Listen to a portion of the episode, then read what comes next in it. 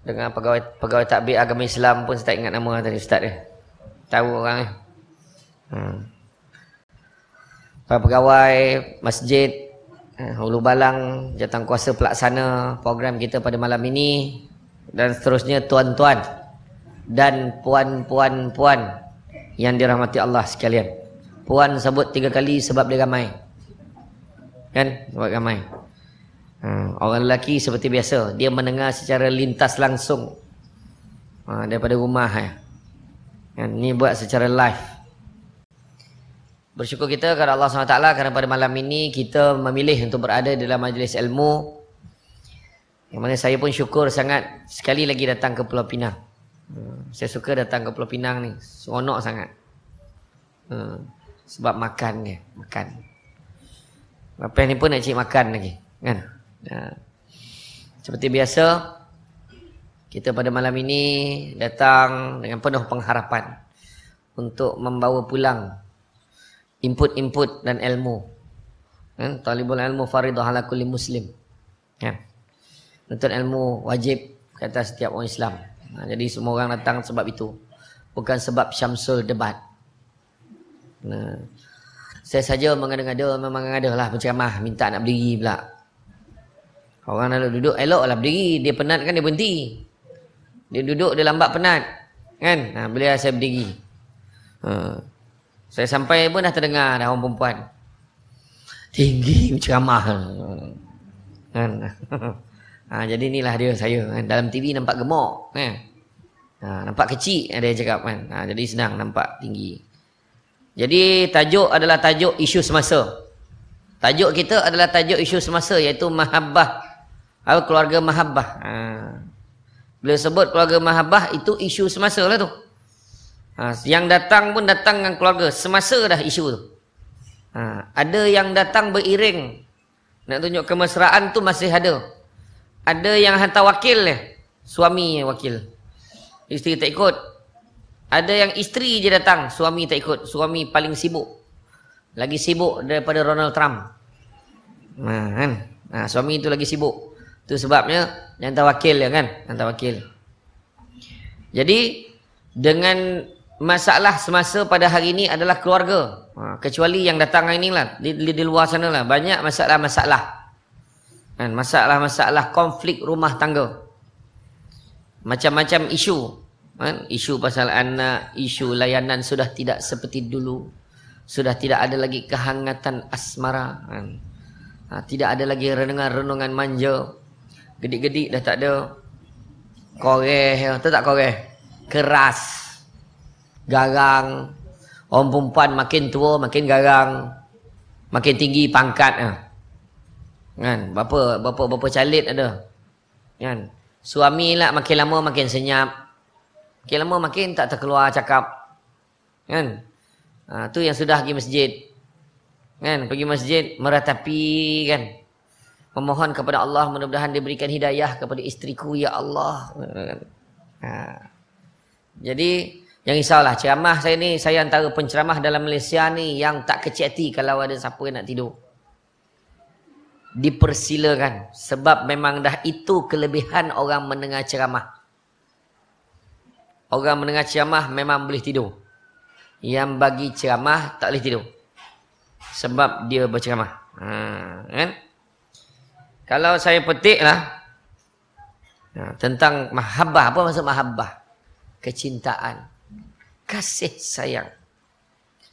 Hari ini orang sebut tanpa perasaannya sampai sama. Ha, itu masalah dia. Contoh, kita sebut Bismillah. Bismillah itu apa maksudnya? Dengan nama Allah. Perbuatan kita, kita sebut Bismillah tapi hati itu tak sampai. Dengan nama Allah. Saya terbaca satu buku, Hidup dengan Bismillah buku itu. Bagus buku itu. Nipis je, tak tebal sangat. Hidup dengan bismillah, makna hidup dengan nama Allah lillahi ta'ala. Apa juga buat semua kerana Allah. Jadi kita kadang-kadang tak sampai pun ke hati. Bismillah, jadi prosedur je. Bismillah, dia pun minum. Bismillah, minum. Contoh kan? Jadi makna prosedur je jadi. Tapi tak ada yang bismillah tu dengan nama Allah aku minum ni ya Allah kerana kau ya Allah. Mudah-mudahan air ni bagi tenaga kat aku ya Allah aku boleh terus beribadah kepada kau ya Allah. Kalau macam tu lah lambek dia minum. Macam ni lah. Nak biar niat tu sampai. Kan? Tapi maksudnya macam tu juga dengan kehidupan kita. Mahabbah kecintaan sebut tapi tak sampai ke hati. Orang perempuan kadang-kadang cakap, I love you bang, I love you too. Sebut saja tapi tak sampai ke hati. Nak tengok sampai ke hati waktu sebelum kahwin dulu. Cuba sebut saya sayang kat awak. Nak tengok, terbakar. Sayang awak. Wow. Api itu naik kan. Mana berapi tu lah. Kan? Rindu tak? Rindu sangat. Terbayang-bayang tu sampai tidur. Rindu sangat terdengar. Rindu sangat terdengar. Pak. Tapi bila dah kahwin kan, semua makin lama makin kendu. Kenapa? Sebab target tu, asas dia. Asas basic yang kita kena jaga. Sebab kena ingat, bila sebut keluarga bahagia itu adalah pilihan. Keluarga bahagia adalah pilihan kita. Bukannya datang macam tu. Eh. Kita pilihan kita. Mohon ke Allah, kita pilih cara kita nak bahagia macam mana. Bila sebut pilih cara nak bahagia adalah bukan melihat pada apa yang kita ada. Nak tengok bahagia ni, bukan tengok pada apa yang keluarga kita ada. Tetapi melihat pada sikap kita terhadap apa yang kita ada. Ha, faham tak tu? Fasafah ni malam ni. Hmm. Saya ulang. Keluarga bahagia bukan menilai kepada apa yang kita ada. Tetapi nak menilai sikap kita terhadap apa yang kita ada. Contoh. Kita ada rumah besar kereta besar, motor besar, bini besar, suami pun besar. Tapi itu tidak menggambarkan kebahagiaan. Tetapi sikap kita terhadap benda yang kita ada, rumah yang kita ada walaupun kecil, kereta yang kita ada walaupun kecil, motor yang kita ada walaupun kecil, sikap kita syukur dengan apa yang kita ada, itulah asas nak bahagia.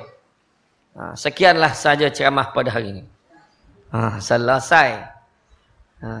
Sebab kadang-kadang yang jadi tak bahagia tu sebab kita mengejar benda yang tak ada. Mengejar benda yang ialah terlampau banyak tengok drama. Kan? Suri hatiku Mr. Pilot. Abang Bomber I love you. Kan? Memanglah dalam TV itu kan macam-macam dengan gaya pelakon ni pun dipilih yang paling lawa. Mana ada drama pilih heroin yang tak lawa? Yang muka macam kita. Mana ada? Yang terbaru cerita apa? Awak sangat nakal. Ke awak nakal sangat? Nakal sangat ke sangat nakal? Nakal sangat. Dah baik dah dia Dua tu. Dengar gaduh sama kan? Tengok tak? Ha, saya pun tak tengok. Saya agak-agak macam tu lah. Drama dia macam tu lah. Gaduh-gaduh. Baik balik macam tu kan? Sebab kita digambarkan dengan macam tu. Tak, sebenarnya kehidupan kita tu semua ada kisah yang berbeza-beza. Tu sebab tak sama. Dalam rumah tangga, tiga perkara kena ingat. Yang pertama, suami isteri. Kita takkan kenal isteri kita. Suami takkan kenal isteri kita. Isteri takkan kenal suami kita. Selagi mana belum kahwin. Dah kahwin baru mula proses nak kenal. Kena ingat. Sebelum kahwin tu semua deposit je. Oh, deposit. Dia bagi deposit berbanyak sikit. Biar tu sonok. Ya. Itu pertama. Yang kedua, kunci dalam rumah tangga ni selain daripada itu, kedua kita kena ingat bahawa kita, kalau nak bahagia kena terapkan adinul Islam, cara hidup Islam dalam keluarga. Ha. Faham? Dan yang ketiga, dalam keluarga kita kalau nak bahagia, belajar bersyukur dengan apa yang dikurniakan oleh Allah Subhanahu Wa Taala. Tiga perkara ni yang kena ingat dalam rumah tangga kita. Jadi makna kata dia tak kira. Suami dia besar, tinggi, bulat, empat segi, tiga segi. Tetap terima seadanya. Suami dia tak kisah walaupun dia balik rumah tiba-tiba nampak isterinya memenuhi ruang katil yang ada. Dia tetap terima seadanya katil itu. Bukan isteri itu. Katil itu. Tak adalah dia terima seadanya. Sebab cabaran hari ini, rumah tangga hari ini, cabaran dia sangat besar. Sebab kita berada pada zaman dunia tanpa sempadan. Tengah-tengah ceramah ni saya tengok berapa ramai yang membelek handphone. Kan? Ha, saya tak tak kisahlah. Tengoklah handphone tu. Grup marhaban berzanji pun pakai handphone. Tengok amin sekarang. Dia WhatsApp tu grup marhaban ni. Grup berzanji dia WhatsApp. Hari ni pakai baju apa? Biasa sama. Baju nombor 8. Ya Allah, baju nombor 8. Dia ada 10 baju. Yang kawan tu gabun. Tak pakai cimata. Tengok macam tu. Dia ingat nombor 6. Sudah dia seorang dengan baju lain. Jadi dia jadi solo gitu. Kan? Macam adik tadi. Sedap. Tim nasyid tu bagus. Saya paling minat tengok budak tu pukul. Rendah je. Tong, tong, tong, tong, tong, tong. Bagus, bagus. Saya ingat ada peringkat kebangsaan ke lepas ni? Ada? Ha, mudah-mudahan berjaya lah. Kumpulan Al-Munawir. Ha. Bagus. Saya teringat dulu. Saya pun masuk nasyid kat dulu. Solo tau. Dululah. Sebelum dapat mimpi seronok. Suara masa tu okey lagi. Suara dah garau ni tak berapa sedap lah. Kalau buat album pun saudara mara pun tak nak beli. Jangan kata orang lain. Saudara mara pun tak nak beli. Kan? Hmm. Saya dulu samalah dengan Saleh Drill tu. Arwah Saleh Drill. Kumpulan brothers yang meninggal baru ni. Ha, sama lah dengan dia. Masa semak labu dulu. Sama satu tim. Sautul, Sautul Jihad. Tu saya dengar tadi. Allahu, Allahu, Allah. Dulu saya dengar syik tu. Sedarlah insan semua. Kembalilah kepada Allah. Quran dan sunnah panduan kita. Nabi Muhammad ikutan kita. Ada ni saya cover semua tu. Dengan solo, dengan latar semua saya cover. Kan. Ha, dia ada tiga tak tu. Ha, saya buatlah dulu lah sampai peringkat kebangsaan. Tapi kalah kat kebangsaan. Sebab masa kat peringkat kebangsaan tu semua orang dah pakai minus one. Ada pakai gitar. Semak labu dia pakai kompang karen. Kompang tu terkeluar wayar kan. Ha, kompang karen lah tu. ha, dululah dulu eh. Dulu. Boleh lagi lah sesikit. Jadi makna kata kita dalam hidup kita ni. Maknanya basic. Macam saya sebut tadi awal. Kita kena hanya akan kenal lepas kahwin. Itu sebab orang dulu-dulu bahagia. Cuba tanya orang lama. Dulu mana dia bertunang beria sangat sampai bersanding pun tak ada. Orang sekarang sampai bersanding bertunang tak faham betul. Tak malu yang jantan. Duduk rumah sudahlah hantar wakil aja pergi betul tak? Kan? Nah. Di Negeri Sembilan sekarang dah ada peraturan baru. Ha, peraturan dia kalau orang lelaki kalau dia putus pun dia tetap kena bayar. Dulu orang perempuan kalau putuskan pertunangan dia kena bayar kan? Ha, sekarang lelaki pun kena bayar sign agreement. Suka-suka ya nak putuskan perhubungan. Kan? Dah nampak yang lebih baik, mulalah habis madu sepah dibuang. Kusangkakan nenas atas permatang, rupanya durian tajam berduri. Kusangkakan panas sampai ke, sampai ke petang. Rupanya hujan di tengah hari. Macam itulah kira kan. Kusangkakan suamiku romantik sekali. Rupa-rupanya garang. Bak. Tak tahu lah bak, bak apa lagi dah. Kan, sebelum kahwin memanglah. Ay, rindu kat you. Rindu sangat. Belum kahwin. Belum dah kahwin. Rindu abang. Kau jangan ada boleh tak? Salah tu. Kan? Dulu sebelum kahwin ni, janganlah jauh-jauh sangat rapat lah. Nanti rindu nanti. Sebelum kahwin. Bila dah kahwin, ni apa rapat ni? Jauh. Wah, mbak lah masalah. Macam ada kuman, kuman penyakit-penyakit ni. Kan? Dulu sebelum kahwin. Jadi, dalam hidup rumah tangga tu, saya selalu sebut, ada lima kunci. Lima kunci. Ingat, lepas ni saya tanya. Nah, jangan datang tak catip. Saya tanya sekejap ni. Dah mula dia marah. Nak ceramah-ceramah lah, tanya pula. Kan? Kunci yang pertama, kunci kereta. Kunci kedua, kunci rumah. Kunci ketiga, kunci pejabat. Kunci keempat, kunci syurga. Kunci yang kelima, kunci spare. Apa maksud? Tengok kunci rumah. Maksud kunci rumah, dalam rumah tangga kita, mesti ada sistem. Kan saya sebut tadi? Dinul Islam. Ramai orang doa Allahumma khtim alaina ya Allah bi husnil khatimah wala takhtim alaina ya Allah bi su'il khatimah. Ramai orang nak mati dalam Islam tapi hidup tak nak hidup cara Islam. Itu masalah Kan? Sistem kan dalam rumah tangga kita tu ikut Islam. Abang bangun bang subuh Abang, subuh. Kalau macam tu lah cara kejut. Alamat dua-dua tak subuh. Faham maksud saya? Kejut, bang, bangun bang, bang, bangun bang. Usik ujung jari, bang, bangun bang, subuh, subuh. Subuh bang, subuh, subuh. Jadi suami tu tak dapat nak tangkap kita.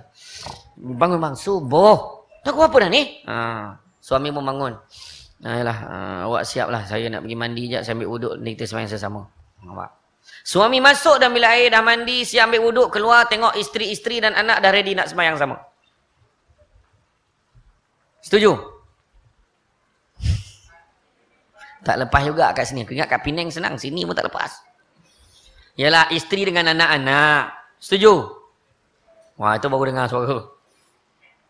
Sebab ada satu kelemahan. Kebanyakan pasangan suami isteri. Subuh tak semayang. Kalau dia semayang pun dia tak semayang sama. Sistem suami isteri semayang jemaah. Ajar anak-anak sekali. Jaminan yang dia semayang dengan kita.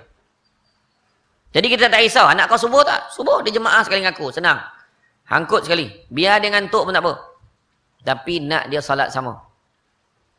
Allahu Akbar. Dalam keheningan subuh. Terdengar suara ayahnya. Mengimamkan salat subuh. Cuba tanya. Bilalah suami jadi imam subuh. Zuhur jangan kira. Subuh. Terdengar suara serak-serak basah baru bangun tidur tu. Bismillahirrahmanirrahim. Alhamdulillah Rabbil Alamin. Ar-Rahman. Tu suara subuh tu. Suara subuh standard macam tu. Sebab time nak semayang tu lah baru bangun. Cuba bangun daripada awal. Kan? Buat kiamun lain pukul lima tu. Bangun awal sikit pukul lima tu. Semayang sunat dulu. Jadi tak adalah suara macam tu. Walat walin. Yang belakang tu. Amin. Kan? Nampak? sistem kan. Lepas tu sarapan sama-sama makan doa sistem kan doa. Kan? Doa banyak-banyak. Jangan kita tak berdoa. Jangan berhenti meminta daripada Allah. Kerana Allah tidak pernah berhenti memberi kepada kita. Setiap hari. Sampai bila-bila. Doa. Sistem apa lagi? Waktu zuhur. Kan dekat handphone masing-masing dah ada reminder. Tiba-tiba. Allah Allahu Akbar. Berapa ramai isteri hantar mesej. Assalamualaikum abang. Wahai suamiku, Zohor dah masuk. Abang jangan lupa solat tau. Yang benar isterimu, I love you. Berapa ramai buat? Oh, dah. Tu je lah. Hantar mesej. Dapat pahala. Sistem Islam. Hantar mesej kan ada grup family. Hantar dekat anak kita. Along dah masuk Zohor. Dekat Penang dah masuk Zohor dah. Kat KL dah masuk belum? Ha, kalau dah masuk, solat. Jangan tinggal solat. Hantar WhatsApp. Percuma, tak kena bayar. Dapat pahala. Macam. Daripada WhatsApp, gosip-gosip tu lagi baik. Berpesan-pesan benda-benda yang baik. Betul tak? Ini tak. WhatsApp kat suami. Bang, bawang besar dah habis. Tolong boli. Masak sardin malam ni dengan bawang baru sodap. Bawang. Tak sajak langsung. Pakai jubah putih kan dengan serban boli bawang. Uh, fail betul lah. Kan? Dah hello dah nampak kan. Contoh, bukan orang sini dan tempat lain. Kan? Nanti kena kenian sekarang ni semua online online je. Pesan bawang pun online. Kan? Sebulan sampai. Tahu mana beli bawang tu kan? Ha, ya? Ha. Sistem. Itu kunci rumah. Kedua, kunci kereta. Apa maksud kunci kereta? Kunci kereta ni, kereta tu melambangkan kehidupan kita. Siapa yang bawa masuk dalam kereta? Isteri, suami dalam kereta. Mak, ayah pun ada dalam kereta tu. Anak-anak ada dalam kereta tu. Jadi ketua, baik suami, baik isteri. Dua-dua duduk dalam kereta, tentukan hala tuju mana nak bawa kereta tu pergi. Nak bawa pergi syurga, nak bawa pergi neraka. Nak cari reda Allah macam mana? Ha, jadi dalam keluarga tu disistemkan tadi. Pemanduan hala tuju nak bawa ke mana. Nampak? Kemudian yang ketiga kunci pejabat. Maksud kunci pejabat rezeki yang halal. Punca pendapatan kita. Kalau orang tu kerja berniaga burger, itulah pejabatnya. Rezeki yang halal. Biar sikit tapi berkat. Ya? Biar ada sikit tapi berkat. Kadang-kadang kita terlampau nak tengok orang kan. Ya Allah, bila lah nak duit banyak macam orang. Duit banyak tak semestinya bahagia. Itu sebab saya sebut tadi. Saya sebut awal tadi bahagia tu kita macam mana kita sikap kita terhadap benda yang kita ada. Alhamdulillah dapat RM50 hari ni. Dapat kita makan sedap sikit. RM50 dapat makan sedap sikit. Ada orang tu RM50 tu macam tak ada duit kat dia. Sebab dia dah biasa makan beratus-ratus. Jadi RM50 tu susah kat dia. Macam orang naik motor kan kita naik motor kan dengan suami kita pergi kat pekan. Kat Pulau Pinang berhenti kat traffic light tu. Yang bini mulalah, "Bang, abang, apa? Bang, rasu nak pakai kereta macam tu. Bang, bila lah kita dapat naik kereta macam tu, ha?" Ah, jangan risaulah. Abang dah mula mengumpul dah duit. InsyaAllah cukup besok kita beli ya. Dah berapa banyak dah bang kumpul? Alhamdulillah setakat semalam dah ada RM50. Abang ni orang tu tu dia main, main pula. La ilaha illallah. Sabar. Rupa-rupanya yang dekat dalam kereta tu. Ya Allah teruk betul jam hari ni. Kalau naik motor macam dia ni sedap betul. Nampak? Sikap kita terhadap apa yang kita ada. Kan? Tu sebabnya kita kadang-kadang kan dah bercerai dengan bini baru tahu bini kita tu lawa. Tu yang gila talak tu. Kau ingat bini kau tak laku, ramai pula orang nak kat dia, ha baru tahu. Itulah hargai isteri kita. Hargailah suami kita. Alah laki abang rupa macam ni. Siapa nak? Oh dia cabar macam tu. Dia tak tahu suami dia berdiri dekat pintu tu. Lima janda standby. Kan? kan? Iya, tu sebabnya orang perempuan dengan orang lelaki ambil masa duduk mengadap. Bang, kejap bang. Pandang muka dia. Pandang mata tu. Baru nampak, ya Allah. Sebab ada treatment untuk suami isteri yang nak bercerai. Mak tu berbunding tu dia suruh duduk. Duduk lutut belaga lutut ni. Mengadap. Tak ada cakap apa pun dia suruh suami pandang dalam-dalam. Renung mata isteri. Isteri renung mata suami. Pandang. Kemudian dalam pandang-pandang tu tertinjau kat tepi hidung.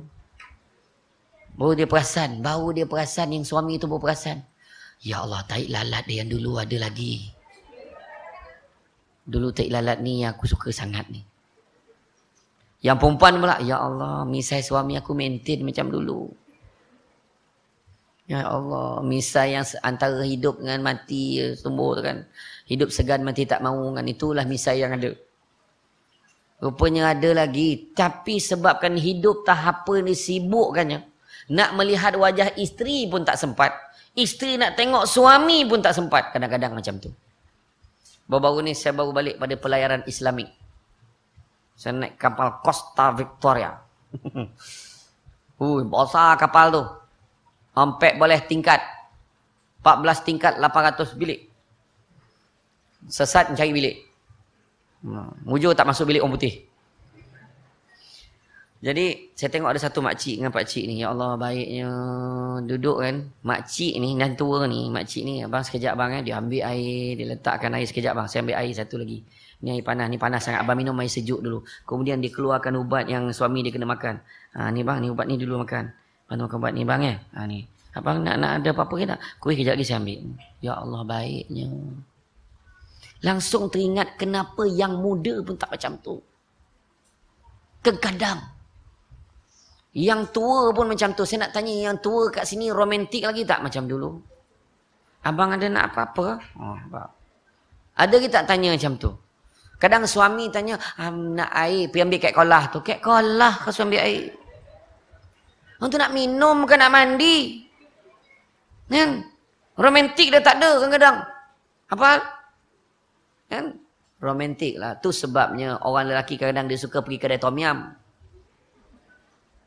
Kan saya sebut tadi, gedik-gedik lah kat rumah. Abang cuba macam tu. Balik ni start. Boleh tak? Boleh tak? Boleh tak? Tengoklah. Boleh tak? Boleh, okey. Pak ni buat jam tu. Sebab orang lelaki bila dah orang perempuan tak layan, dia pergi kedai tom yam. Kedai tom yam tu layanan first class. Dengan manja-manja macam ni. Abang nak makan gapo, be? Oh, nampak? Sengit-sengit kepala gitu. Ha. Abang nak makan gapo? Hmm, se, sik goreng se. Uh, telur dadah se, telur dadah se. Kopi beng se, kopi beng, kopi beng se uh, Musa. Habis. Ha, nampak tak? Ha, nampak? Ha, tu yang bahaya tu. Habis ni. Hmm, ha, nampak tak? Tutup lah, beh. Ha, nampak kan? Ha. Itu ni tiap-tiap malam duduk kedai tom yam tu. Balik rumah ni buat. Abang nak pakai gapa? Ah, macam tu. ada. Tak payahlah macam tu. Ikutlah lorat kita. Abang, abang nak makan apa? Saya siapkan. Untuk abang segala-galanya. Wah, nampak? Abang nak kopi, tea or me? Wah, macam tu. Baru dah semangat. Kan, betul? Eh, jangan cakap lah. Jangan cakap. Dah ada, dah tua-tua ni tak adalah. Ada ayat Quran jumpa. Tatkala kamu sudah pun tua dan memiliki cucu, maka tinggalkanlah suamimu yang mengada-ngada itu. Ada? Tak ada kan? Tak ada ayat macam tu. Layan suami tetap kena layan. Betul tak? Hmm, betul kan main lagi. Kan? Mana cakap? Kena jaga tu betul Jaga. Kan? Tengok Nabi macam mana kan? Nabi kalau nak minum air, Nabi romantik dengan isteri dia. Ha, dia tanya, ha, isteri dia, tadi minum dekat mana? Dekat sini, dekat sini, dekat sini, dekat sini. Langsung dia minum situ kak. Kita kadang-kadang suami tu siap minta cawan lain, cawan lain. Tak tahan bau mulut kau ni. Ha, tu salah tu. Hilang romantik. Dulu bukan main lagi. Kalau minum air kelapa tu, bersilang straw. Udang yang kecil, bukan udang galah tu, udang kecil tu. Korek lima boleh. Cucuk pakai penyukil di gigi tu. Sung. Sap. Bersuap ni lah. Ilah dulu. Kan? Ya. Balik-balik tadi. Kunci apa tadi? Kunci pejabat tadi dah sudah. Lepas tu kunci syurga. Mana ibadah kita. Ibadah kita. Rapatkan keluarga kita ni kepada Allah dan Rasul. Ya? Rapatkan di kepada Allah ni ada tiga. Pertama, mahabbah kecintaan kita kepada Allah. Kasih sayang. Ajar semua. Supaya ingat tanggungjawab. Nombor telefon menghadap Tuhan. 24434. Salat jaga. Tak jaga tiang agama. Macam mana nak jaga tiang keluarga? Salat sama-sama. Suami jadi imam. Tak confident maghrib. Bawa zohor. Dulu. Bawa zohor dulu. Makna jadi imam. Ketua keluarga. Kan? Ha. Lepas tu kunci syurga. Bawa benda-benda yang baik. Menyumbang bersedekah eh, dan sebagainya. Kemudian bila sebut kunci spare, itu ah, mustahak. Apa maksud kunci spare? Maksud kunci spare ni adalah kunci tak boleh ada satu je. Kena ada banyak set kunci tu. Maknanya siapa ada kunci semua main peranan. Suami main peranan. Isteri pun ada kunci untuk main peranan. Anak-anak pun ada kunci nak main peranan. Kadang-kadang dia silap. Ah, ni bab jaga anak semua serah kat kau. Aku cari duit. Tak betul. Kan? Abang masak engkau aja. Tak, tak betul. Maknanya sama-sama. Semuanya ada peranan masing masing-masing. Orang lelaki main peranan. Itu sebab dia sebut A B C D E. Kan? Dalam keluarga ni Allah Taala segala-galanya. A Allah Taala segala-galanya. Lillahi Taala. Kan saya sebut tadi? Lillahi Taala. Semuanya kerana Allah. Kawin pun kerana Allah. Ada anak pun kerana Allah. Mendidik anak pun kerana Allah. Kadang-kadang kita terlupa nak didik anak tu kerana Allah. Didik anak nak bagi pandai. Tapi terlupa niat kerana Allah tu sebab anak kadang-kadang pandai tapi tak mengenang budi. Ada? Kan? Lillahi ta'ala. Ingat saya satu kisah. Ada seorang lelaki ni. Pernah dengar aku cerita ni. Dia ada masalah. Anak dia nak balik rumah. Anak nak balik rumah. Anak nak balik rumah dia nak masak tapi duit tak ada. Aduh macam mana lah ni. Dia pun tak tahu nak luah kat siapa. Dia tinggal. Luahlah kepada Allah. Aduh ustaz tu ajar dia. Dia pun tulis surat kepada Allah Ta'ala. Kehadapan. Ya Allah. Ya Allah sesungguhnya aku memerlukan duit. Hujung minggu nanti anak-anak aku nak balik rumah. Tapi aku tak ada duit nak bagi dia makan. Anak aku dah lah makan banyak. Aku tak ada nak banyak. Ya Allah dapat seratus ringgit jadilah. Bantulah hamba-Mu ni ya Allah. Dia pun postkan surat. Bila dia postkan surat tu, gempalah pejabat post hari tu. Kepada Allah Ta'ala, macam mana nak post ni? Berbincang postman tu, macam mana nak post ni? Dia pun cakap, bos, macam mana bos? Pengurus pun pening. Ya Allah, macam mana nak buat ni? Kepada Allah Ta'ala ni. Bos, bos bacalah. Ha, okay, okay. Semua staff, dengar, dengar sini, dengar sini. Saya nak buka surat ni, takut ada duit hilang kan. Nanti orang salahkan saya. Dia pun buka, dia pun baca. Dia pun baca semua orang ada yang menitis air mata. Menangis pun ada. Ya Allah, sianya dia nak duit. Seratus ringgit dia nak bagi anak dia makan. Jadi macam mana nak tolong ni? Bos, kita kutip derma sama sikit. Kutiplah tabung. Ada bagi lima sen, ada bagi singgit. Ada bagi sepuluh ringgit. Ada bagi dua ringgit. Akhirnya dah kumpul-kumpul, dapatlah RM95. Kurang RM5 nak dapat 100. Macam mana bos? Okey lah tu, 95 okey tu. Dia minta 100, dapat 95. Untung apa? Masuk balik dalam sampul, tengok alamat dia ada, pergi hantar. Postman hantar terus kat rumah dia. Dua minggu senyap, tak keluar cerita apa. Maknanya selesai lah tu. Tak lama lepas tu, dua tiga hari lepas dua minggu tu, sampai satu lagi surat kepada Allah Ta'ala. Wah, ini satu surat lagi bos. Ah, dia nak cakap terima kasih agaknya. Ha, dia pun buka. Dia pun buka. Dia buka, Ya Allah, aku bersyukur kepadamu, Ya Allah, Alhamdulillah. Aku minta seratus dengan kau itu, Ya Allah. Aku dah dapat dah duit tu. Aku Alhamdulillah dapat menjamu anak-anak aku makan, Ya Allah. Cuma satu je lah aku nak mengadu kepada kau, Ya Allah. Duit seratus yang kau bagi dekat aku tu, Ya Allah, tak cukup seratus. Hanya sembilan puluh lima ringgit. Tapi aku tak marah, Ya Allah. Aku tahu, ini mesti kerja orang pejabat pos. Dia boleh salahkan pula orang pejabat pos. Punya marah orang pejabat pos tu dah lah beria dia orang kutip kan. Tak bersyukur pula tu kan. Ha. Dia salahkan kawan tu. Maknanya apa yang kita ada. kan? Apa yang kita ada tu kita kita syukur. Maknanya bila sebut tadi kunci spam main peranan masing-masing. Main peranan masing-masing. Saya sebut pertama Allah Ta'ala segala-galanya. Kedua, bantu membantu dalam keluarga. Kalau kita tengok Nabi, Nabi akan bantu isterinya. Malahan Nabi, salah satu cara Nabi bantu, Nabi takkan susahkan isterinya untuk benda yang dia boleh buat sendiri. Ha, pernah dengar tak tu? Wah, perempuan balik kan dia sebut, bang, abang tahu tak Nabi macam mana bang? Just nak beritahu abang lah kan. Abang tahu tak Nabi? Nabi dia takkan susahkan isterinya tu untuk benda yang dia boleh buat sendiri. Masalahnya suami ni memang tak tahu nak buat apa. Di Malaysia, kebanyakannya memang dia bergantung harap pada isterinya. Betul tak? Betul ke tidak? Betul. Jadi cuma orang lelaki menghargai isteri itu sebutlah dengan cara yang paling baik. Yang apakah sudi kiranya yang menyiapkan nasi untuk abang? Tak dapat dua jenis lauk, empat jenis lauk pun jadi. Telur dada, telur masak kicap. Biar telur-telur pun tak apa, telur puyuh. Hari tu lauk telur je.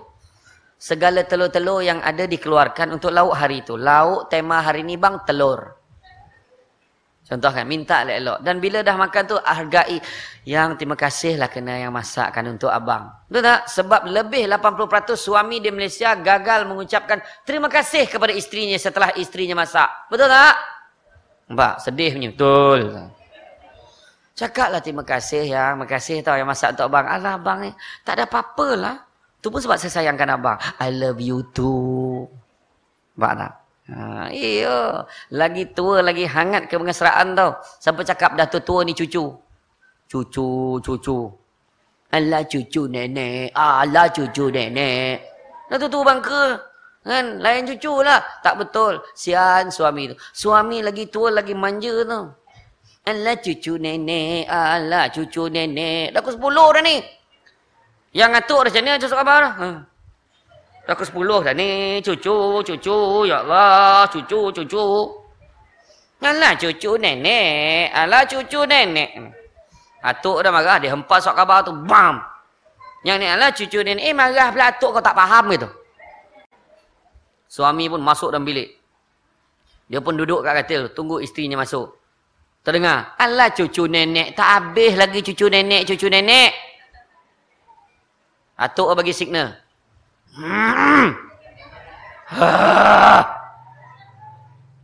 Alah cucu nenek, alah cucu nenek. Uh, mengigau atuk kau. Tak faham lagi tu. Ya Allah.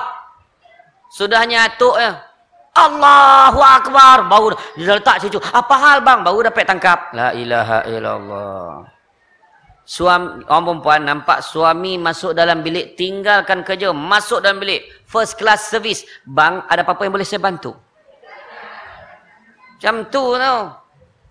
Orang perempuan ni senang dapat masuk syurga, taat suami, layanan first class. Belum minta dah dapat. Macam Sami Velu cakap kan, hari ni post semalam sampai. Ha, Sami Velu yang sebut tu kan. Kita akan mempertingkatkan perkhidmatan pos. Hari ini pos semalam sampai. Nak berhenti postman tu. Macam mana nak buat tu? Eh? Semalam dah sampai dah. Bukan kejap lagi. Semalam sampai. Jadi suami baru nak minta air. Ah, nah bang. Wah, ini lain macam ni. Ah, dah saya dapat saya saya tunggu di bilik. Wah, jam tu ah, betul. Pakailah kod rahsia, janganlah cakap direct. Bang, jom kita tut. Astagfirullahalazim, janganlah. Yang gitu-gitu. Yang gitu-gitu tu kan. Ha, jangan cakap direct, nanti anak dengar. Yang, jom kita tut. Anak astagfirullahalazim, astagfirullahalazim, astagfirullahalazim, anak dengar. Pakai kod MOS.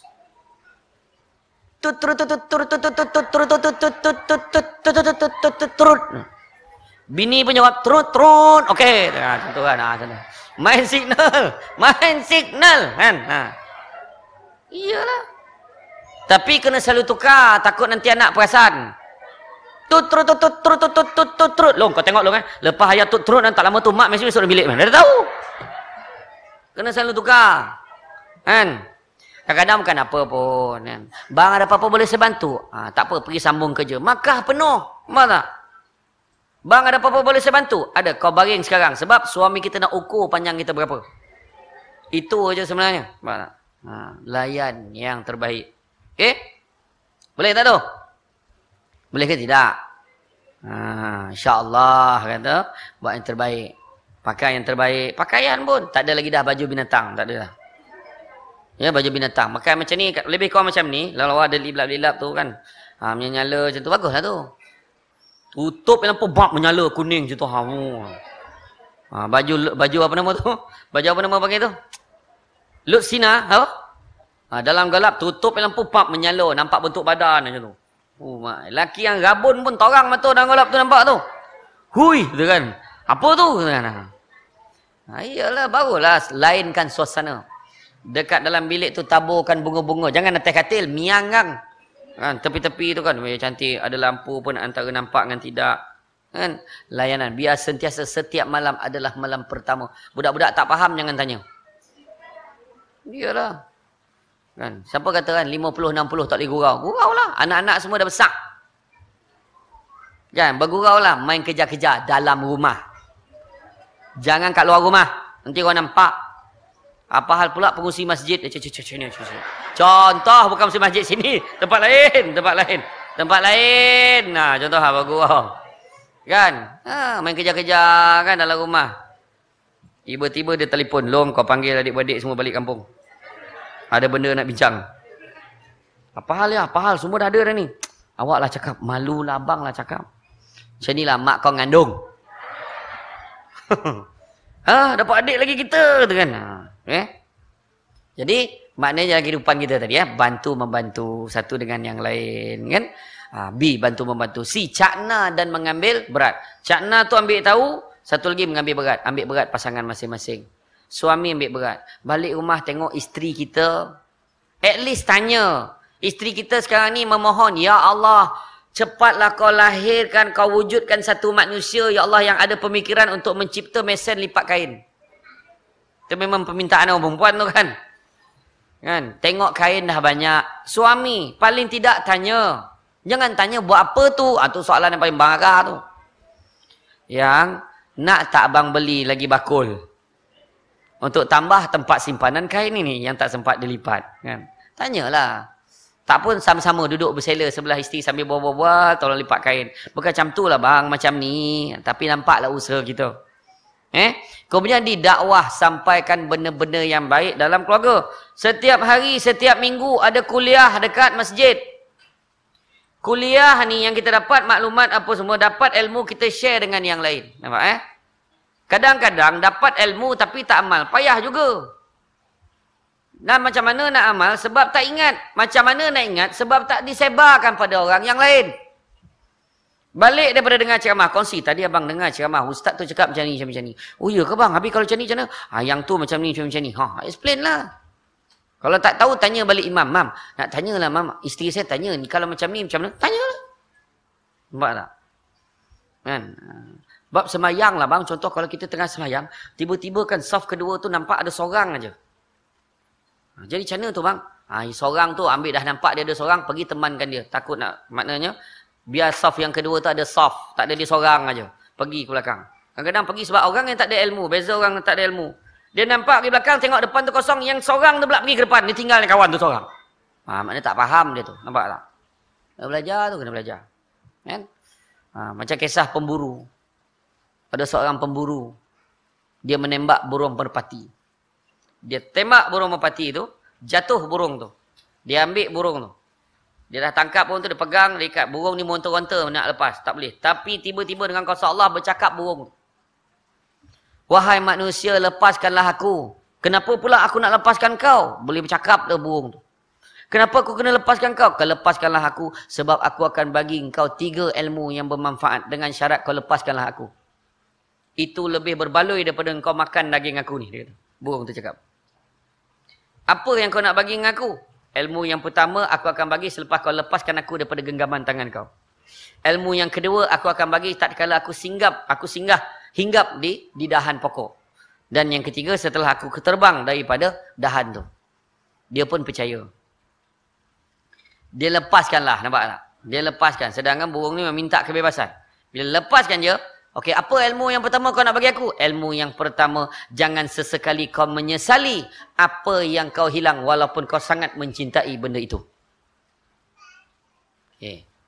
Sampai dia di dahan, dia pun tanya sekali lagi. Apa ilmu yang kedua? Ilmu yang kedua. Janganlah sesekali engkau mempercayai. Jangan sesekali kau mempercayai benda yang tidak masuk di akal. Telahlah dulu. Fikirlah dulu baik-baik. Contoh. Untuk pengetahuan kau. Dalam badan aku ini. Ada dua, ada lima biji mutiara. Yang mana setiap satu biji itu beratnya adalah tak kurang daripada 20 gram. Ha, yang mana lebih bernilai daripada segala. Kau boleh jadi kaya dengan tiba-tiba. Ya Allah, menyesal dia. Kenapa lah aku lepaskan kau?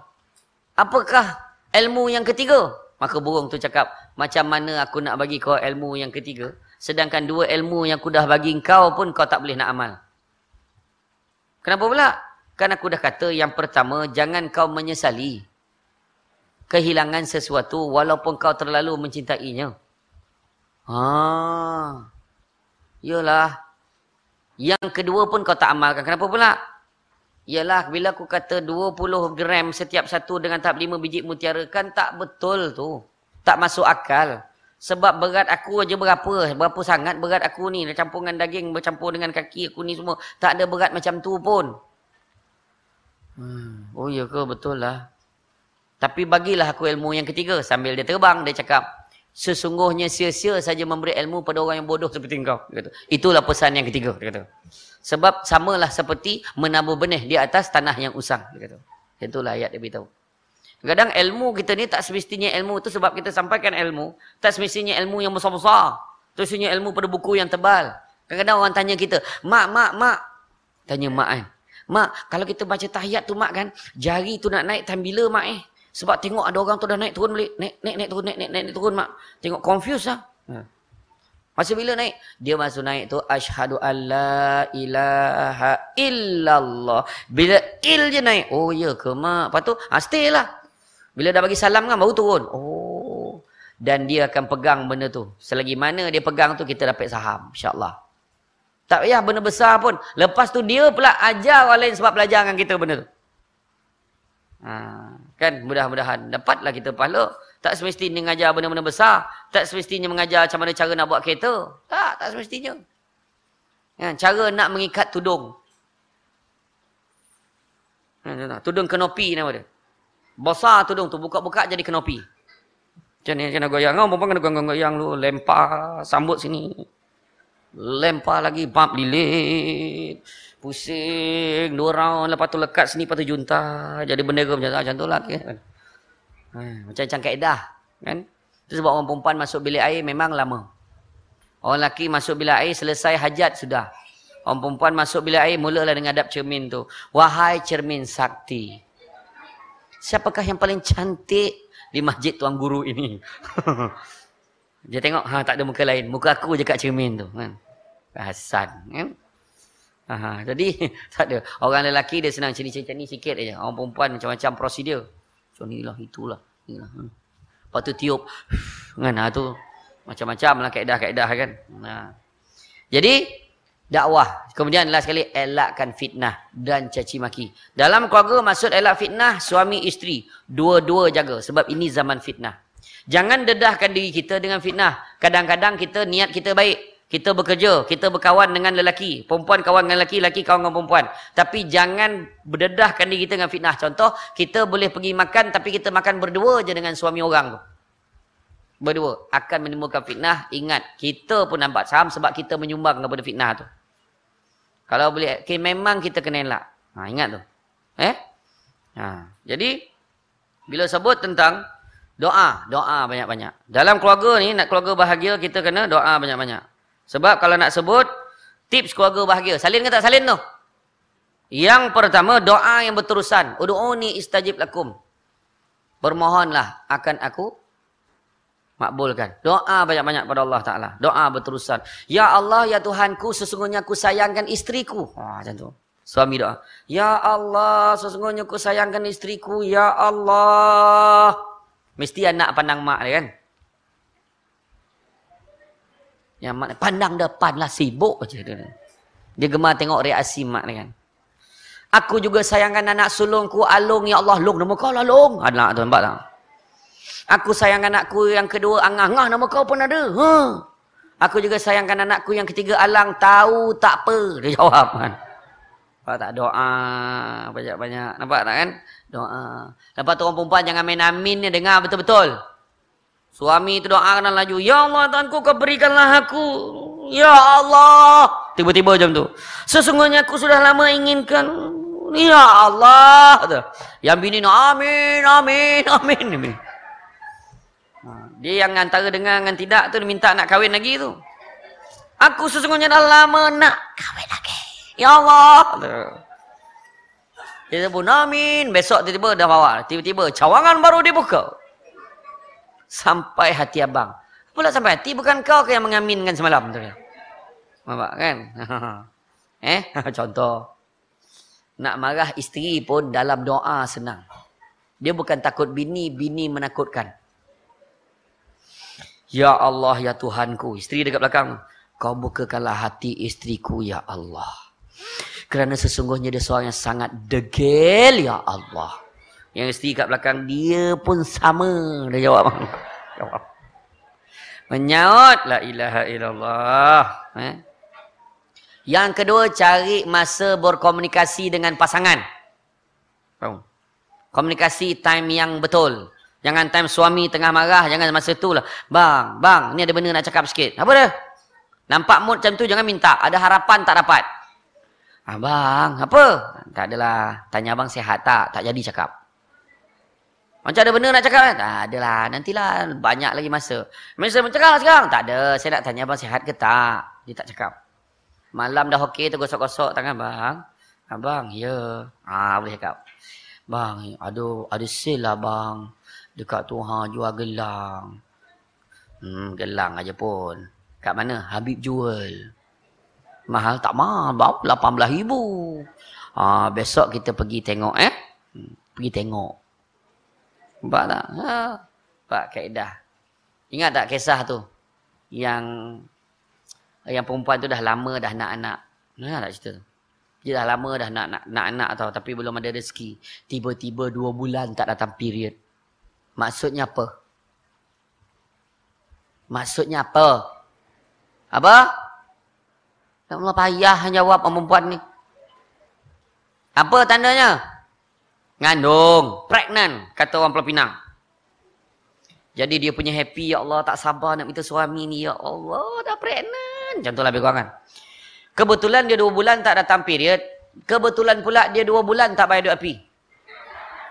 Datang orang TMB. Kebetulan dia tengah happy ni. Ya Allah. Orang TMB sampai. Assalamualaikum kak. Waalaikumsalam. Tengah happy. Salam. Ada apa ni? Ha, nak beritahu akak ni. Apa dia? Akak dah dua bulan lambat ni. Mana kau tahu? Dia maksud dia tu bila pi. Akak dah dua bulan lambat. Dia ingat dia punya period. Lah, mana kau tahu? Alah kak. Masuk adalah sistem langsung tahu akak lambat berapa lama. Ya kau. Sejak bila pula? Iya, kalau nampak masuk nombor IC akak lagi detail. Ya Allah. Lah bantai lah melalak. Uh, menangis. Yang orang TMB ni pun heran. Tak pernah pula kata betul orang lambat bayar bil ni sampai meraung. Weh, jangan weh. Jom, jom, jom balik. Kang tak pasal-pasal. Langsung lagi balik orang TMB tu. Dia menangis. Hu, suami sampai. Assalamualaikum. Salam. Kenapa saya sedih ni? Tak adalah bang. Saya dah dua bulan tak datang period. Baguslah tu. Tu tanda kita nak dapat anak. Masalahnya bang. Orang TMB dah tahu dulu. Macam mana pula dia tahu dulu? Entahlah mana kata sekarang semua ada dalam sistem. Masuk nombor IC lagi tahu detail dia. Ha. Bila agaknya, tak tahu masa bila agaknya yang kita-kita gitu semua tahu agaknya. Ya ilah Allah, ya ke? Mengamuklah jantan ni. Pergi ke pejabat TMB. Belum pernah orang pergi pejabat TMB nak mengamuk pasal period bini dia. Ni first time. Ni mana pegawai yang paling besar sekali? Keluarlah pegawai tu. Saya cik. Apa hal bini aku lambat dua bulan yang kau sibuk kenapa? Dah memang kerja kita. Lagilah marah kawan tu. Sejak bila nak jadi kerja korang ni? Semenjak penubuhan TMB lagi tu. Okey, tak nak cerita banyak. Sekarang macam mana nak settle? Nak settle, cik bayar. Hal pribadi saya, saya kena bayar. Hal pribadi yang cik cakap tu tanggungjawab rasmi kami. Kalau aku tak nak bayar, akan nak buat apa? Kalau cik tak nak bayar, terpaksa kita potong cik punya. Lagi nak marah kawan tu. Lepas tu dia jawab lagi. Habis kalau potong saya punya, saya nak pakai apa? Cik pakailah lilin. La ilaha illallah. Kau hajar, kau kau hajar. Balik dah. Balik. Dua minggu lepas tu padam api. Baru dia faham. Lah ini rupanya. Kan salah faham. Nampak tak? Ha, tu cakap tu komunikasi kena pilih masa yang betul. Kan dia tadi datang tengah excited. Dia datang period kan. Ha, tu dia. Komunikasi. Ha, eh? Yang ketiga, murah dengan sentuhan dan pujian pada pasangan. Sentuh pasangan kita. Abang, abang sehat hari ni? Sentuh. Picit suami bang. Oh. Abang. Oh. oh. Nak mati sangat dah orang tua ni kuasa dia kata. Dan lepas tu sentuh isteri. Balik suami balik rumah kan daripada belakang zap peluk isteri dia. Isi kat dapur tengah potong bawang. Ta, ta, ta, ta, ta, ta, ta, ta. Zam abang. Peluh lah. Nampak kan dia kata. Nah, macam tu lah punya melampau kan. abang janganlah. Jangan. Abang. Ha, tapi sebenarnya happy tak? Happy tak? Tapi jawab. Happy ke tidak? Happy. Lepas tu setiap kali suami balik kan berlari dia ke dapur. Sesaja kecil bawang. Ta ta ta ta ta ta ta ta ta ta. Dengan harapan suami dia peluk ta ta ta ta. Dah nipih bawang tu tak agak peluk-peluk mana pergi pula laki aku ni. Rupa suami sakit perut hari tu. Kan, ha, itu yang dia terus ke dapur je. Ha, terus pergi masuk bilik air. Ha, kan? Sentuhan. Sentuhan. Iyalah. Pegang. Kan? Pegang. Pegang tangan. Dulu sebelum kahwin, pegang tangan kan? Menitik-nitik peluh. Dah lah dosa pun dapat. Dah kahwin tak nak lah pegang. Pegang tu betul. Sebelum kahwin kan main ni. Peluk, ya Allah punya rapat. Peluk bersilang tangan. Tujuh orang boleh duduk belakang. Bila dia naik motor sesama tu, kesian saya tengok orang lelaki tau. Lelaki ni bawa motor, habis dia raba kat perempuan. Mengambil kesempatan pada lelaki. Orang perempuan ni. Yang lelaki tu pula, sesungguhnya aku redha. Kan? Aduh. Bila dah kahwin, cuba tengok pergi masjid tadi. Mana ada peluk? Sibuk megang besi. Hmm, jangan kena, jangan kena, jangan kena. Melayang-layang telekung, macam langsui rasanya dah tak. Kan? Kemesraan, kemesraan. Kan? Sebelum kahwin dan selepas kahwin tadi. Eh? Sentuhan. Eh? Hmm. Tengok orang dulu-dulu. Sentuhan ni. Muka tak lawa pun tak apa. Tapi sentuhan. Akhirnya kecantikannya pada pada hati. Seterusnya mencari kebaikan pasangan. Tengok kebaikan pasangan. Kan? Sebelum kahwin, kaulah kunci cintaku di dalam hatimu ramlah ram. Kaulah segalanya rutsahanaya. Kau sumber ilhamku manbai. Meletakkan kasih setinggi-tinggi kasih di puncak kasih Zanazin. Menaruh harapan Zaitun Samion. Kan? Akhirnya declare kaulah kekasih awal dan akhir Jamal Abdillah. Kan? Bila dah kahwin, baru tahu kentut kawan tu busuk ke tidak. Dulu nak kentut masuk dalam bilik air. Orang lelaki perangai bila dah kahwin, kentut mana sempat. Siap panggil. Mes ni, mes ni. Dengar tak? Tak dengar. Sekarang kau dengar. Kau ajar betul. Yang perempuan pun sama. Sambil bawa dulang, lalu depan suami bab. Sorry. Lagi kau ajar. Mulalah dia keliru Ajai dan Nurul. Luka dilukai Shima. Kasih yang disangkakan sampai ke penghujung nyawa era Fazira. Rupa-rupanya sekadar di pinggiran Francisca Peters. Rajuk Rahmat Kalau rela ku pujuk spider, tak apa. Lalu ambil keputusan. Pergi tak kembali Rabbani.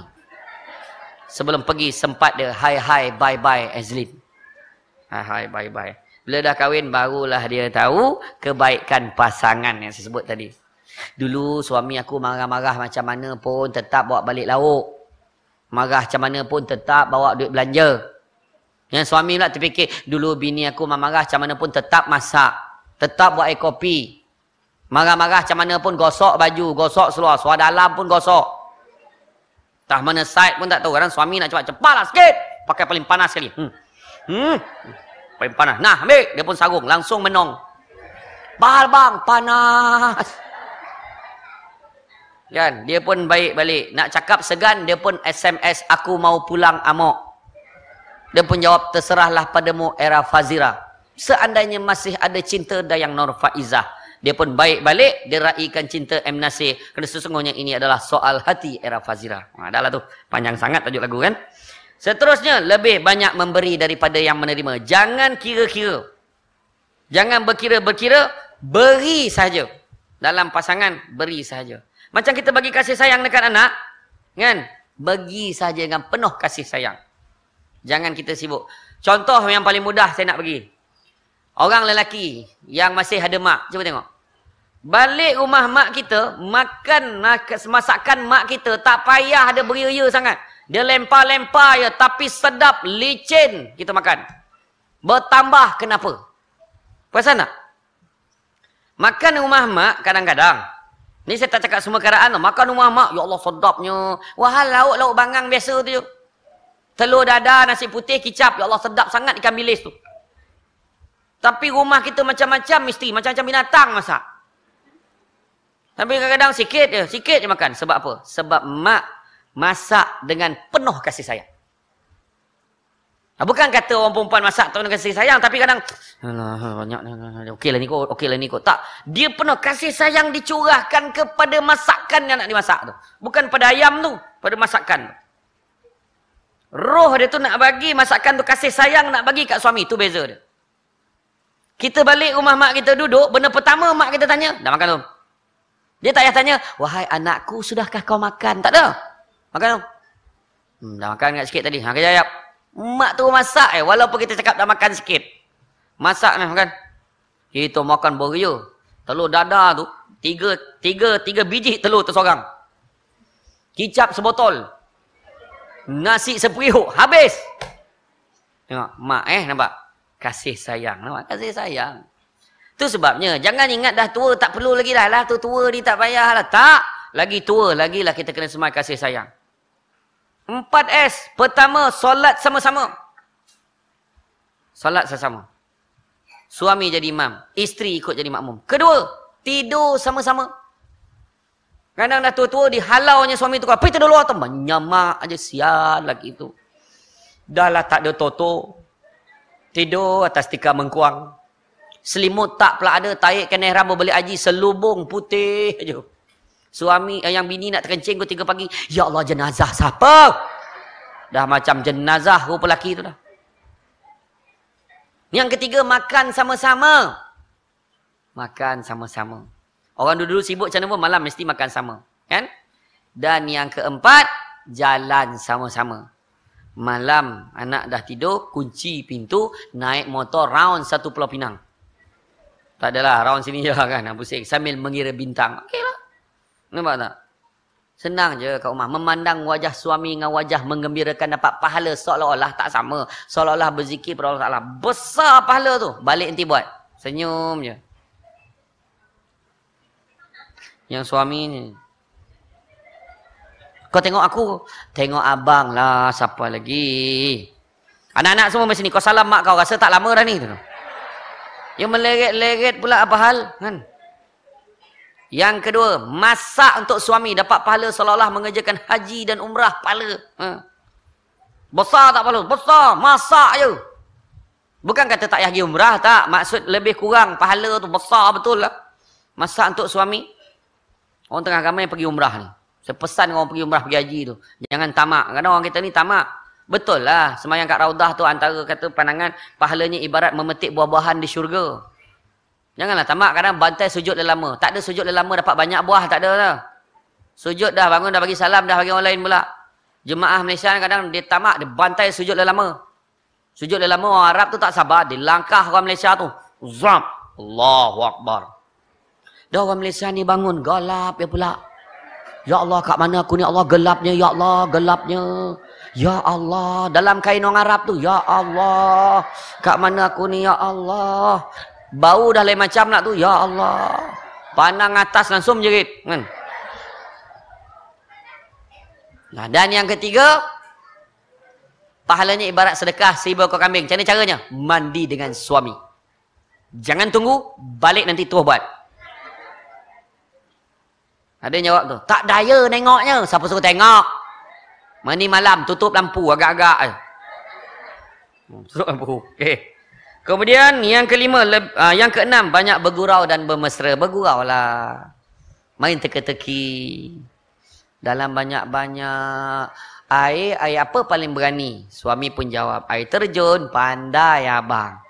Suami lah tanya, dalam banyak-banyak lampu, lampu apa kalau pecahkan keluar orangnya? Lampu apa? Dia punya lampu Aladin salah. Habis? Jawapannya lampu mahjiran sebelah. Cuba pecahkan. Mesti keluar orang tu kan. Kau pahal pecahkan lampu aku. Kan? Senang je teka-teki. Kan? Dalam banyak-banyak. Dia tanya lagi. Dalam banyak-banyak motor. Kenapa nama motosikal tu Yamaha? Sebab dia mahal lah. Tak. Sebab dia daripada Jepun. Tu nama dia Yamaha. Kalau pada Malaysia tak tahu lah nama dia Mahmud ke apa tak tahu. Lepas tu dia tanya lagi. Uh, dalam banyak-banyak benda, apa benda yang masuk tiga segi keluar gulung-gulung. Uh, suara dalam, tak yalah kau jawab tu. Terfikir kat tu, tak yulah, tak yulah. Tu, tu, kan. Dalam banyak-banyak tikus, tikus apa dua kaki? Mickey Mouse. Oh, dalam banyak-banyak itik, itik apa dua kaki? Hmm, dia nyok Donald Duck tu. Itik memang dua kakinya. Lepas tu soalan, macam mana cara orang bisu minta rokok? Macam mana? Macam mana? Macam mana orang bisu minta rokok? Ha, ha siapa? Orang perempuan? Macam mana orang bisu minta rokok? Ha, ha, ha okey, ada buat. Betul lah tu. Ha. Tepat sekali. Macam mana cara orang buta minta gergaji? Macam mana? Tak payahlah macam tu. Ada yang buat gaya. Cakap je lah, dia bukannya bisu. Ya Allah, Akbar. Terpengaruh dengan soalan tadi. Yang tadi betul lah bisu macam ni. Apa hal yang buta macam ni apa? Dia boleh cakap. Ha, bergurau dia dalam rumah. Nampak tak kan? Ada seekor buaya bunting besar makan orang. Seorang tu dah ready dengan senapang. Tiba-tiba keluar buaya bunting besar tu dia tembak tepat kat perut dia. Mana mati dulu? Maknya mati dulu kan anak mati dulu? Anak sebab apa? Bakar perut. Salah. Siapa jawab anak salah, jawab mak pun salah. Buat buaya tak nak bunting. Buaya bertelur. Mana tengok buaya macam ni? Mana tengok? Mana ada? Nah, itulah baru tanya dah confused. Allahu akbar. Kemudian sentiasa bermaafan sebelum tidur. Sebelum tidur maaf. Abang minta maaf tau kalau saya buat salah hari ni. Memula anak. Anak dulu. Anak salam semua. Salam mak dia, salam ayah dia. Lepas tu dia saling maaf memaafkan. Jangan tunggu. Jangan tunggu bila minta maaf. Raya, tahu tak apa. Dijamakkan dosa tu setahun. Tu yang melulung tu.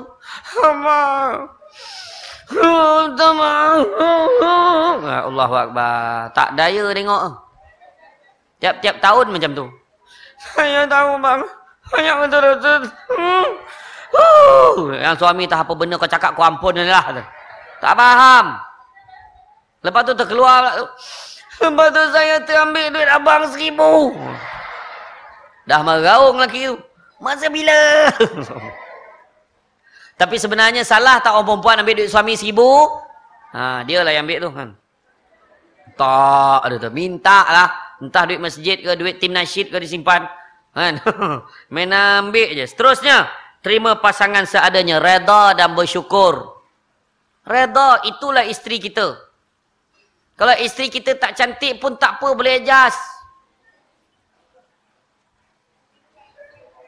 Ha, adjust tu. Saya tak payah sebut iklan tu. Macam tu je, saya tunjuk gaya. Tak daya ngulang iklan tu, lawyer tekak. Kan? Ha, maknanya ha, boleh je. Kadang-kadang kecantikan tu dari hati bang. Tapi kita nak kena hias juga lawa-lawa kan. Ingat eh, jangan pakai baju binatang lagi dah. Tahu, baju kelawar yang pakai. Cuba buat disiplin sikit. Uh, hari Jumaat pakai baju ikut bentuk badan walau berapa pun dah bentuknya. Berdiri depan pintu macam ni. Suami naik motor balik ke masjid, terlajak sampai ke longkang. Hari Sabtu pakai bikini siap selendang tepi. Dalam rumah? Dalam rumah. Hari Ahad pakai jaring. Wah, baru betul. Hari ni hari apa? Ahad kan? Ha. Dia akan tanya kawan. Weh, hari ni apa. Hari Ahad. Tak boleh lambat weh. Hari ni jaring ni. Nampak tak? Ha, cara saya Okey, seterusnya. Sentiasa kenangkan kebaikan pasangan. Ingat suami aku ni baik betul lah. Pandai dia sebenarnya. Jaga hati aku. Tak pernah marah-marah. Apa-apa pun diam aja. Suami kan banyak diam. Yang banyak cakap isteri tu tak? Aku. Tol kan. Iyalah orang perempuan memang hobinya di rumah adalah berceramah walaupun tak ada tajuk. Ha, tu memang orang perempuan. Termasuklah Umar Umar kan? Sadina Umar bila isterinya banyak-banyak cakap dengan dia, ia hanya diamnya. Dengar setiap baik-baik kata isteri dia. Wahai Sayyidina Umar ni semua orang tahu. Yang syaitan pun takut dengan Sayyidina Umar. Dia garang dia. Tapi dia dengan isteri dia. Walaupun dia garang dengan isteri dia tetap lembut. Walau apa pun isteri cakap biarlah. Sebab memikirkan bahawa kebaikan isteri dia. Membela dia. Menjaganya. Menjaga makan pakai. Memasak untuk dia. Membesarkan anak-anak. Betul tak? Ha, orang perempuan membebel paling lama pun berapa? Paling lama pun 4 minit kan. Dia dah penat kan. Dia berhenti minum air. Boleh sambung balik kan. Yang tu je. Jadi tak payahlah kita mungut. Eh? Kemudian seterusnya. Sentiasa memaafkan pasangan. Nah, tadi minta maaf satu hal. Memaafkan pasangan itu ada satu hal. Eh? Jadi seterusnya bila sebut tentang kaum lelaki. Kaum lelaki sebagai suami di dalam rumah. Tanggungjawabnya ada banyak. Jadi itu sebab antaranya adalah tanggungan-tanggungan dia. Dan bila sebut Kaum lelaki itu adalah pemimpin bagi kaum wanita oleh kerana Allah telah melebihkan sebahagian mereka lelaki atas sebahagian yang lain. Dan kerana mereka lelaki telah menafkahkan, menafkahkan sebahagian dari harta mereka. Sebab itu maka wanita yang soleh ialah orang yang taat kepada Allah bagi melihara diri ketika suaminya tidak ada. Oleh kerana Allah telah melihara mereka ini surah An-Nisa. Tahulah ni. Eh? Suami sebagai pemimpin keluarga. Isteri dengar taat kepada suami. Begitu juga dalam ya, surah Ar-Rum. Ha, ayat 21. Ha. Dan di antara tanda-tanda kekuasaannya ialah telah dia menciptakan untukmu isteri-isteri dari jenismu sendiri. Supaya kamu cenderung dan merasa tentram kepadanya. Ha, rasa tentram, sakinah, tenang. Ha, eh? Dan dijadikannya di antaramu rasa kasih dan sayang. Mahabbah, mawaddah, warahmah. Ha, mawaddah, warahmah, kecintaan dan kasih sayang. Hmm. Sesungguhnya pada yang demikian itu benar terdapat tanda-tanda bagi kaum yang berfikir. Apa tanda-tanda suami misali dan isteri misali? Ha, bagi lagi. Dia nak jadi suami misali tu bukan suami misalnya. Misali, suami contoh. Apa dia? Yang pertama, seorang yang soleh menunaikan tanggungjawab kepada Allah. Jadi suami, pastikan kita jaga salat, jaga ibadah kita jadi suami. Ha. Sebab kita nak jadi contoh role model kepada yang lain. Ha, eh? Menunaikan tanggungjawab terhadap Allah, keluarga serta semua yang menjadi tanggungjawab dengan penuh semangat, penuh perhatian dan penuh kelapangan dada. Jangan mongot rasa susah sebab itu tanggungjawab. Ha. Kemuliaan hak akhlak seorang suami yang soleh dan berkira dengan sikapnya terhadap isteri. Ha. Sikap terhadap isteri juga menggambarkan solehnya atau tidaknya. Lembut, berlemah lembut dengan isteri. Eh? Kemudian yang kedua, berwajah manis. Ha, suami misali, berwajah manis bila balik ke rumah. Balik tang masjid walau apa pun masalah tetap maniskan muka sampai di rumah. Assalamualaikum. Nabang dah balik alhamdulillah. Awak masak apa hari ni? Ha, tanya dengan penuh lembut dengan wajah yang manis. Eh? Ha, seorang suami yang soleh pasti akan menunjukkan sikap yang menyenangkan terhadap isteri. Hal ini kerana ia dapat menanamkan kebahagiaan dan kesenangan dalam hati isteri. Ha. Kemudian yang ketiga, panggilan mesra. Ha. Suami memanggil isteri dengan panggilan mesra. Jangan panggil neneknya. Maknya. Buang dah. Hapuskan terus panggilan-panggilan yang macam itu. Wahai isteriku yang ku kasihi. Langsung koma sebulan. Sebab tak pernah dengar macam tu. Tak pernah dia kan. Ha. Yang, yang. Ha. Ataupun panggil nama Fatimah. Oh, oh Fatimah. Oh Fatimah. Ni nyanyi dah hujung tu kan.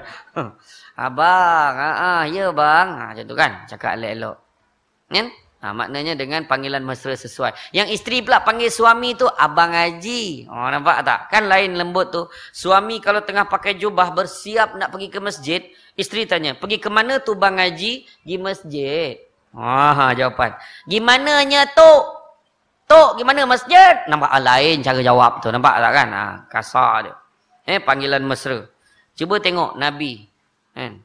Bila panggil, Ya Mumairah, dia panggil isteri. Wahai pipi kemerah-merahan. Isterinya membalas, Ya Rasulullah. Pangkat suami itu panggil. Rasulullah. Tapi kita panggil lah, Wahai suamiku. Sekala lah. Ya kekanda. Ha, kan? Janganlah panggil pangkat kerja dia. Kenalah laki itu kerja kilang. Wahai operator pengeluaran. Kuang hajar betul kan? Hmm. Wahai tukang kebun sekolah. Semua keluar. Eh? Bukan kata apa? Panggil nama dia. Pangkat pangkat diri dia itu sebagai suami. Wahai suamiku. Wahai pujaan hatiku. Oh lama kan. Kemesraan. Eh, memanggil dengan menggunakan panggilan yang manis yang paling disukai. Tanya, abang tak sukalah abang panggil saya macam tu. Tak naklah nenek-neneknya. Panggillah nama saya Liza. Oh, nama nenek dia Liza tau. Hmm. Kemudian, tolong menolong, bantu membantu satu dengan yang lain. Eh? Kemudian kalau isteri misali pula. Ha, isteri misali. Apa dia? Yang pertama menyedari dan menerima dengan ikhlas bahawa suaminya adalah pemimpin. Makna suami itu pemimpin, anggap dia sebagai pemimpin tu layan dia seperti ketua. Macam mana cara dia? Dia ketua kan? Ha, pinggan dia, cawan dia. Ha, bekas mufti Negeri Sembilan pesan dulu. Pinggan dan cawan suami mesti beza banding orang lain. Ingat tak ayah-ayah kita dulu kan? Pinggan dia special tak? Lain mana sama? Tak berani kita usik pinggan ayah kita. Tak berani. Cawan ayah kita pegang letak balik. Ui, ni, ni cawan ayah ni letak balik. Ha, kan? Dan yang kedua, seorang isteri menyadari bahawa kedudukan suami itu satu tingkat lebih tinggi jika dibandingkan dengan isteri. Suami letaknya tertinggi. Rujuk apa-apa dengan suami. Jangan kita ketepikan suami kita. Ketiga, seorang isteri yang selalu taat dan penuh hormat pada suami selama bukan diajak dalam hal kemaksiatan selalu taat pada perintah suami. Kan sabda Nabi kata, Nabi kata orang perempuan ni boleh masuk syurga dengan empat syarat. Pertama, solat lima waktu jaga. Kedua, puasa di bulan Ramadan jaga. Ketiga, menjaga maruah diri dan maruah suaminya. Dan yang keempat, taat perintah suaminya. Maka masuklah ke dalam syurga. Mengikut mana-mana pintu berdasarkan pilihan hatinya. Nampak orang perempuan. Boleh pilih lagi pintu mana nak masuk. Orang lelaki mana boleh pilih. Sebab dapat masuk untung. Jadi orang perempuan, taat perintah suami, setuju? Setuju tak? Tak dengar, setuju tak? Taatlah segala perintah suami, setuju tak? Apa nak orang lelaki nak jawab? Orang perempuan, maka taatlah segala perintah suami, setuju? Alhamdulillah. Orang lelaki jangan lengahkan masa lagi persetujuan telah diperolehi maka ketaatan seperti inilah kita cari setuju tak perempuan dah tak pula dah Okey, saya betulkan. Maka taatlah perintah suami yang baik sahaja. Setuju? Setuju. Lelaki, nikah tu baik ke tidak?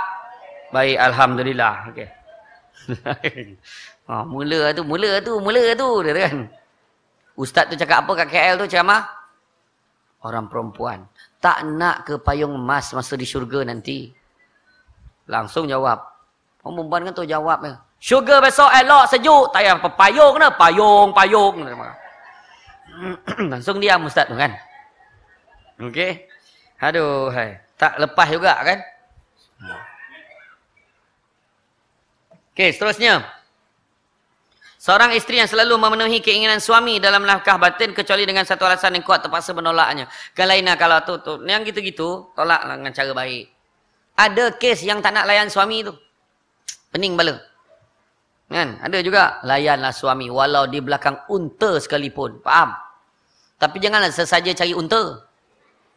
Maksudnya layan suami. Suami dah bagi signal tu on. Jangan cucu-cucu. Alah cucu nenek. Ingat tak cerita tadi? Kan? Layan suami dengan cara yang terbaik. Kemudian seterusnya. Seorang isteri selalu mendahulukan kepentingan suami berbanding urusan lain. Termasuk kepentingan orang tua sekalipun. Suami didahulukan dulu. Tapi kalau nak layan orang tua, biarlah dengan izin suami. Kemudian, seorang isteri selalu menjaga kehormatan dirinya jika suami tidak ada di rumah. Jaga. Jangan keluar rumah tanpa izin suami. Lainlah kalau keadaan darurat.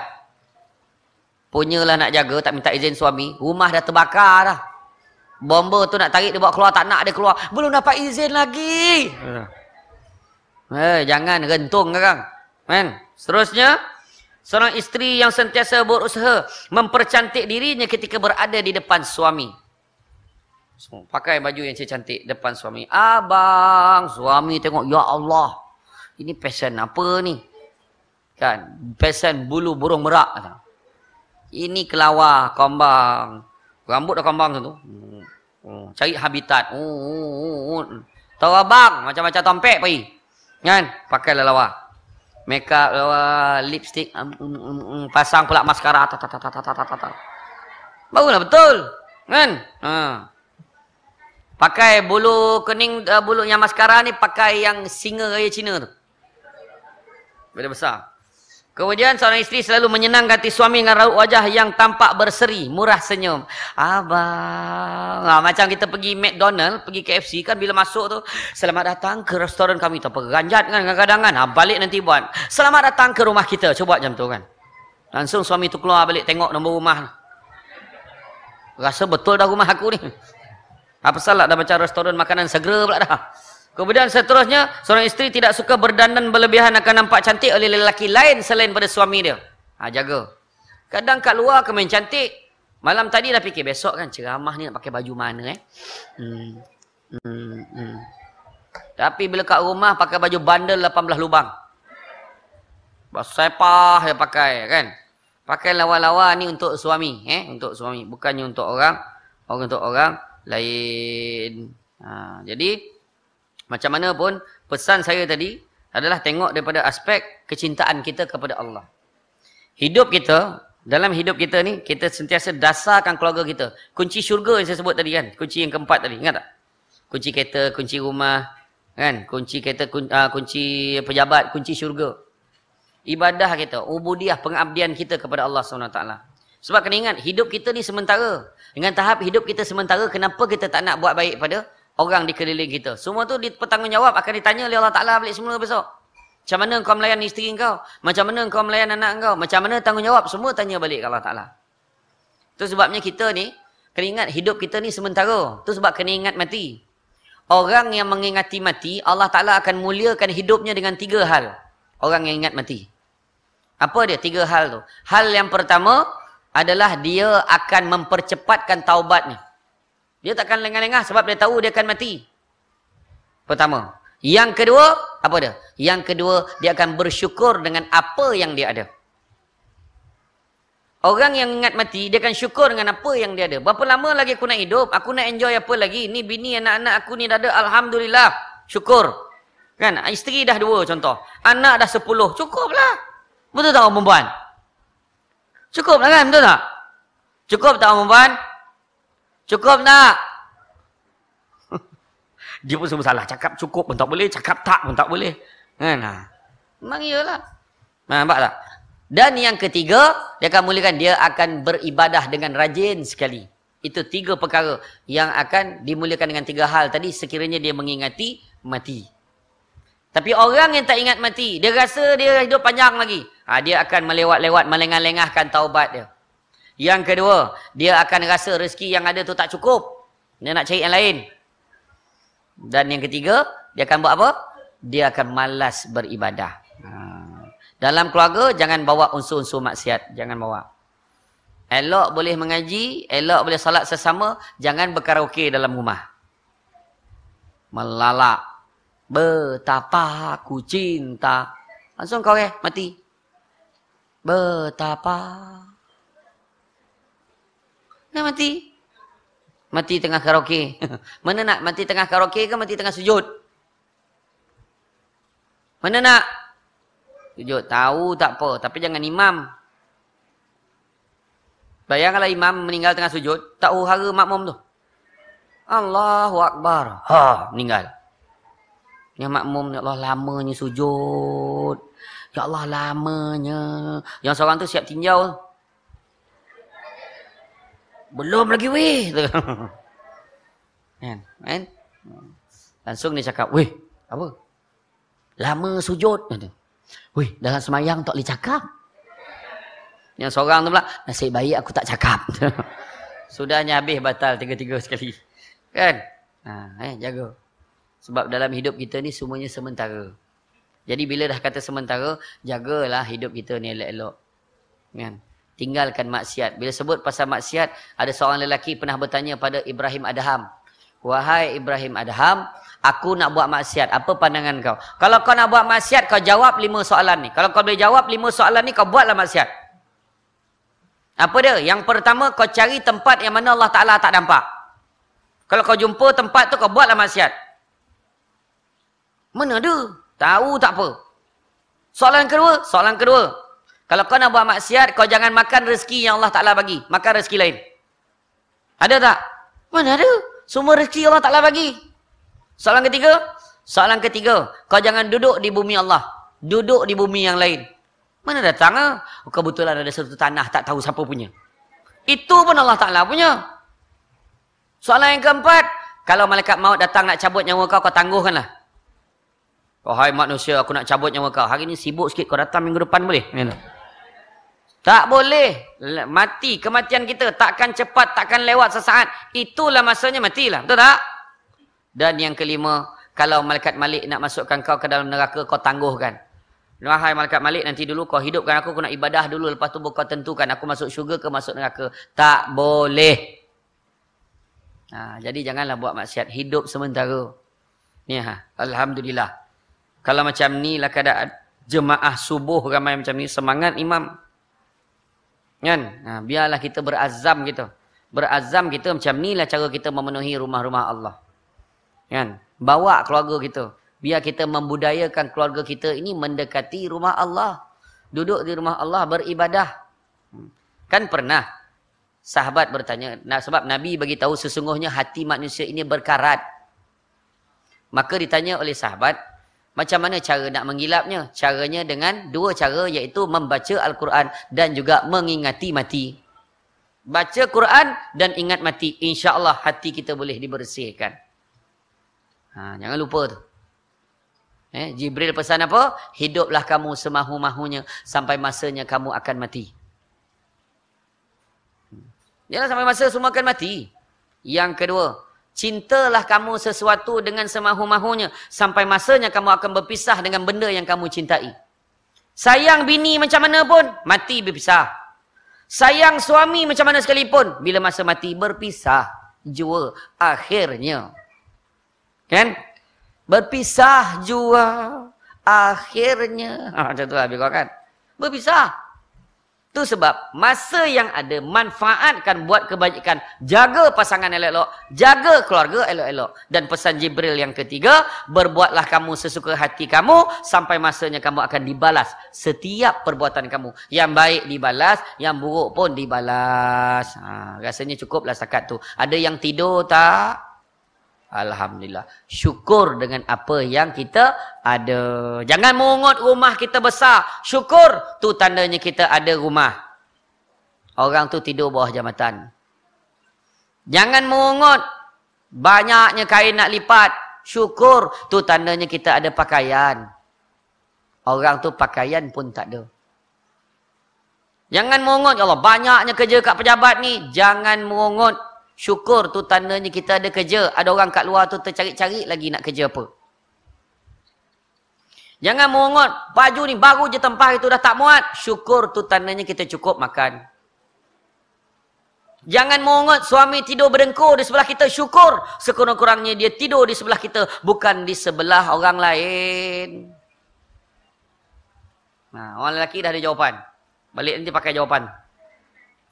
Sekurang-kurangnya aku tidur sebelah kau tau. Cuba kalau aku tidur sebelah orang lain. Wah, ayat dia kan.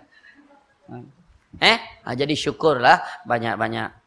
La in syakartum la azidannakum wa in kafartum inna azabi lasyadid. Syukur Allah Taala akan tambah.